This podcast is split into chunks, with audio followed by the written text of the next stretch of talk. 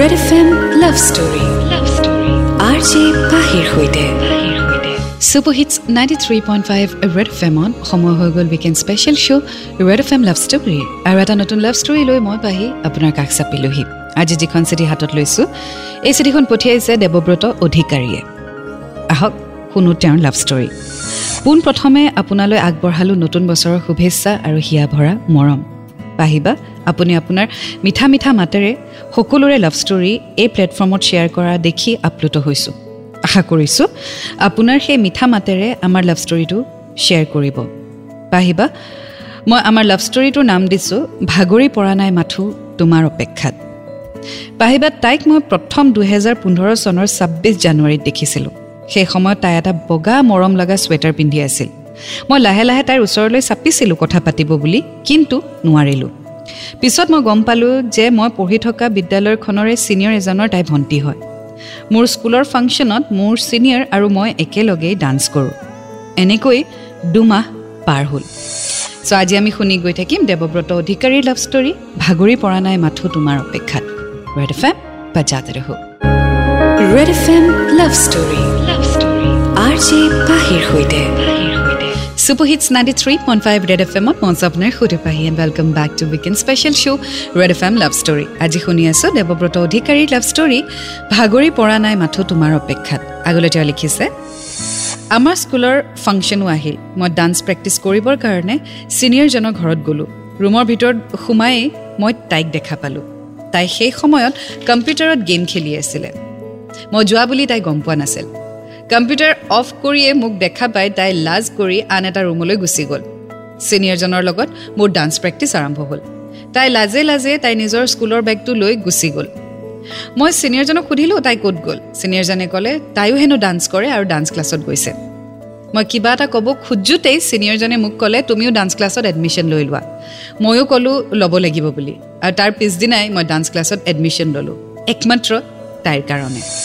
চ' দেৱব্ৰতৰ যাৰ প্ৰতি ইণ্টাৰেষ্ট আহিছে সেই ছোৱালীজনী আকৌ তেওঁৰে ডান্স পাৰ্টনাৰৰ ভনীয়ে এফালৰ পৰা চাবলৈ গ'লে ভালো হ'ল। ডান্স প্ৰেক্টিছৰ বাহানাত তাইকো দেখা পাই থাকিব। চ' আগলৈ কি হয় জানিবলৈ অপেক্ষা কৰক। এণ্ড ৰেড এফ এম বজাতে ৰহো। Red F M love story love story R J পাহিৰ সৈতে।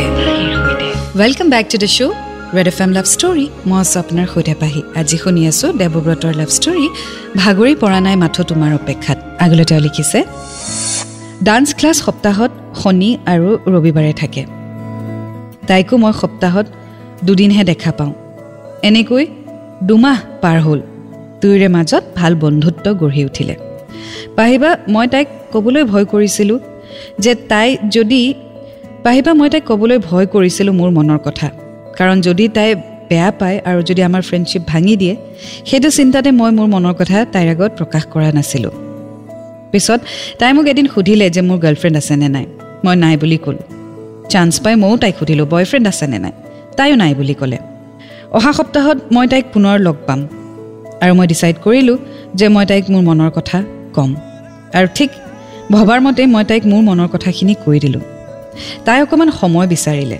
মই ক'লোঁ হ'ব তোমাৰ কাৰণে মই সদায় আছোঁ আৰু থাকিম। চ' দেৱব্ৰতই নিজৰ মনৰ কথা আই মিন প্ৰপ'জ কৰিলে। আৰু তাই সময় বিচাৰিছে।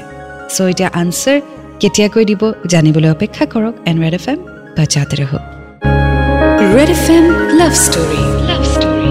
R J পাহিৰ সৈতে। Super hits ninety three point five Red F এমত মই আছোঁ আপোনাৰ সৈতে পাহি আৰু শুনি আছে আপুনি weekend special show' Red F M love story. আজি শুনি আছোঁ দেৱব্ৰতৰ লাভ ষ্টৰী ভাগৰি পৰা নাই মাথো তোমাৰ অপেক্ষাত। আগলৈ তেওঁ লিখিছে পাহিবা মই তাইক প্ৰপ'জ কৰাৰ পিছত এবছৰ নহয় দুবছৰ নহয় তিনিটা বছৰ পাৰ হৈ গ'ল। কিন্তু পাহিবা এই তিনিটা বছৰ আমি কিন্তু বন্ধু হিচাপে আছিলোঁ। এদিন হঠাৎ ফোনত কথা পাতি থাকোঁতে ৰাতি এক বজাত তাই হঠাতে মোক সুধিলে যে মোৰ গাৰ্লফ্ৰেণ্ড আছেনে নাই। মই ক'লোঁ আছে। তাই আচলতে চক খাই উঠিলে আৰু সুধিলে কোন সেইজনী? মই তেতিয়া তাই বুলিয়ে ক'লোঁ। আৰু তাৰ উত্তৰত তাই ফাইনেলি আই লাভ ইউ বুলি ক'লে। সেই কথাষাৰ শুনি পাহিবা মোৰ গাৰ নোম শিৰশিৰাই গৈছিলে। মই একচুৱেলি আপোনাক ক'ব নোৱাৰোঁ যে কেনেকুৱা এটা ফিলিং আফটাৰ থ্ৰী ইয়েৰ্ছ তাই মোক আই লাভ ইউ বুলি ক'লে। সেই ফিলিংছখিনি মই শব্দৰে প্ৰকাশ কৰিব নোৱাৰিম। একচুৱেলি মোৰ চকুৰ পানী ওলাই গৈছিল পাহিবা। একৈছ নৱেম্বৰৰ দিনটো পাহিবা মই কেতিয়াও পাহৰিব নোৱাৰোঁ।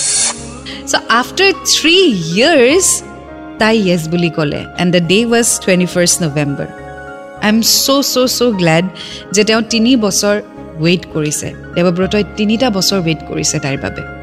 I think it is quite matured enough তিনিটা বছৰ তেওঁ at least truly madly deeply and dedicatedly তাইৰ কাৰণে ৱেইট কৰিলে আৰু তাৰ ফলো পালে। এতিয়া ইন ফিউচাৰ কিবা হওক নহওক there will be no' regret because at least she এইটো জানে যে তিনিটা বছৰ I was honest with her and I waited patiently আৰু তাৰপিছত ছাকচেছফুল হওক নহওক at least his love is true আৰু সেইটো আমি ডাঠি ক'ব পাৰিম। চ' কি হয় জানিবলৈ অপেক্ষা কৰক এণ্ড ৰেড এফ এম বা ৰহো। Red F M love story. Love story. R J পাহিৰ সৈতে।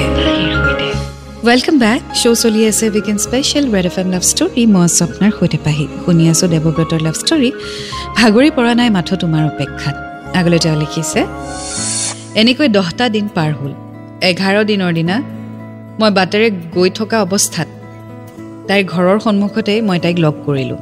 তাইৰ লগত কথা পাতি আছিলোঁ। সেইখিনি সময়তে মোৰ ছিনিয়ৰ অৰ্থাৎ তাইৰ দাদা আহি পালে। তাই খৰধৰকৈ ঘৰৰ ভিতৰত সোমাই গ'ল। ময়ো অকণমান ছাৰপ্ৰাইজ হৈ গ'লোঁ আৰু তাৰ পৰা গুচি আহিলোঁ।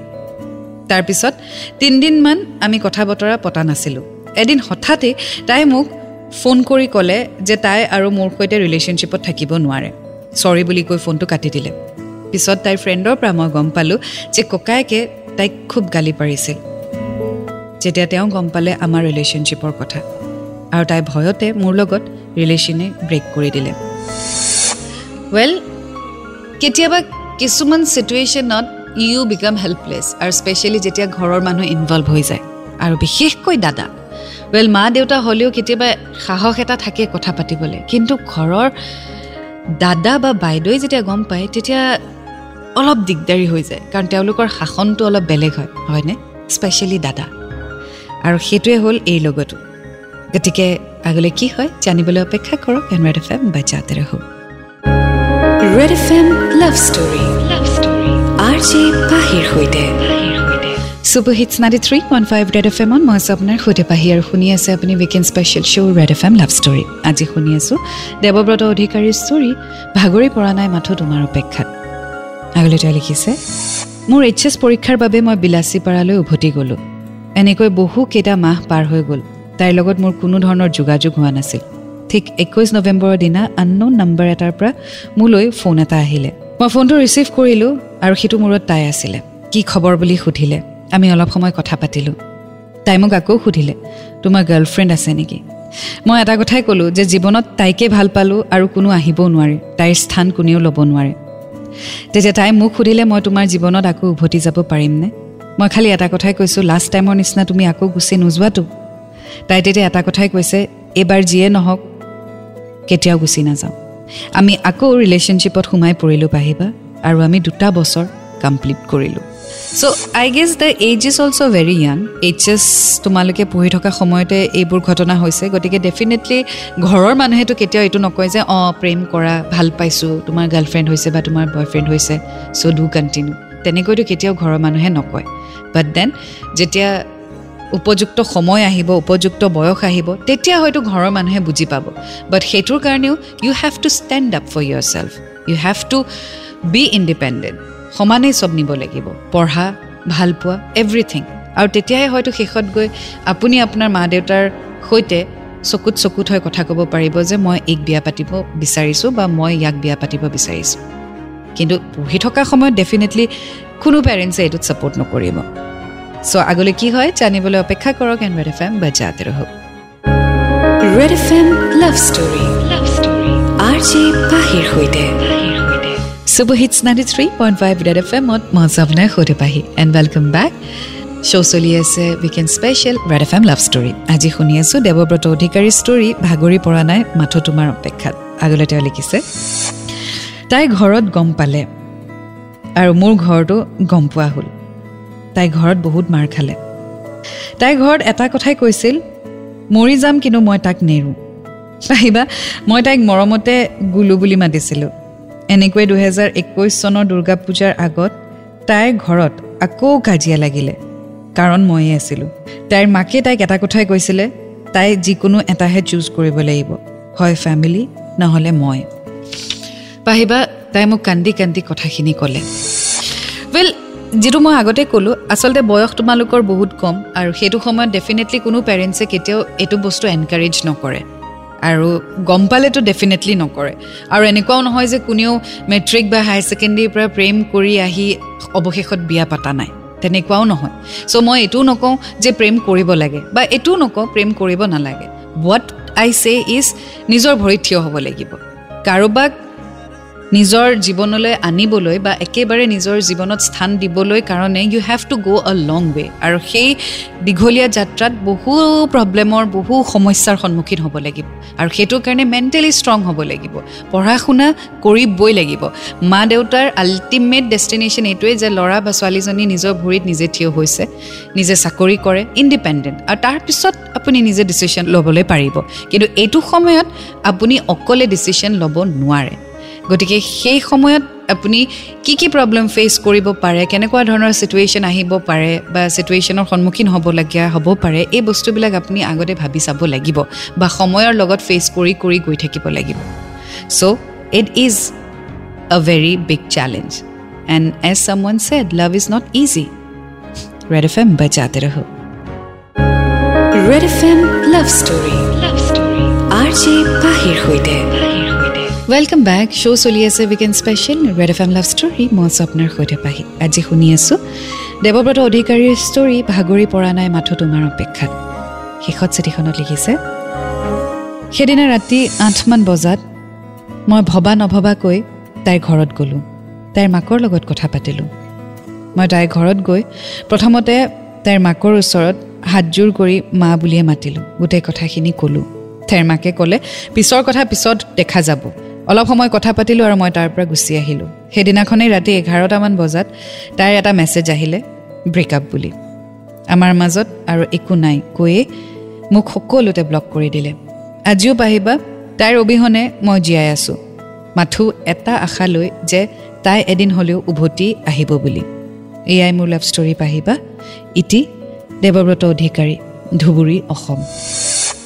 So' Debabrata all I can say is এতিয়াও তোমালোক বহুত য়াং হৈ আছা। চ' তোমাৰ হায়াৰ ছেকেণ্ডেৰী কমপ্লিট হ'ল বুলি মই ধৰি লৈছোঁ। চ' তোমাৰ ডিগ্ৰী হওক মাষ্টাৰ্ছ হওক তোমাৰ চাকৰি জীৱন আৰম্ভ হ'বলৈ বহুত সময় আছে। গতিকে তাৰ পিছতহে তুমি একচুৱেলি ডিচিশ্যন ল'ব লাগিব যে তুমি কি কৰিবা। আৰু তেতিয়ালৈকে যদি if U guys R strong if your love is strong I am চিয়'ৰ তাইও ৱেইট কৰিব পাৰিব তুমিও ৱেইট কৰিব পাৰিবা। যদি তিনিটা বছৰ তুমি তাইৰ কাৰণে ৱেইট কৰিছা চ' another three two four years I am চিয়'ৰ তোমালোক দুটাই ৱেইট কৰিব পাৰিব। চ' সেইখিনি যদি তোমালোকৰ মাজত আণ্ডাৰষ্টেণ্ডিং আছে ধৈৰ্য ধৰা ৰৈ দিয়া তুমি পঢ়া কমপ্লিট কৰা চাকৰি কৰা আৰু তাৰপিছত গৈ প্ৰাউডলি তেওঁৰ পেৰেণ্টছক লগ ধৰি তেওঁৰ কথা ক'বা। আৰু আই এম চিয়'ৰ তেতিয়া হয়তো তেওঁলোকে একচেপ্ট কৰিব। বাট এতিয়া ইমান ইজিলি তেওঁলোকে একচেপ্ট নকৰিব কাৰণ চিন্তা এটাই যে ভৱিষ্যত কি তোমালোকৰ।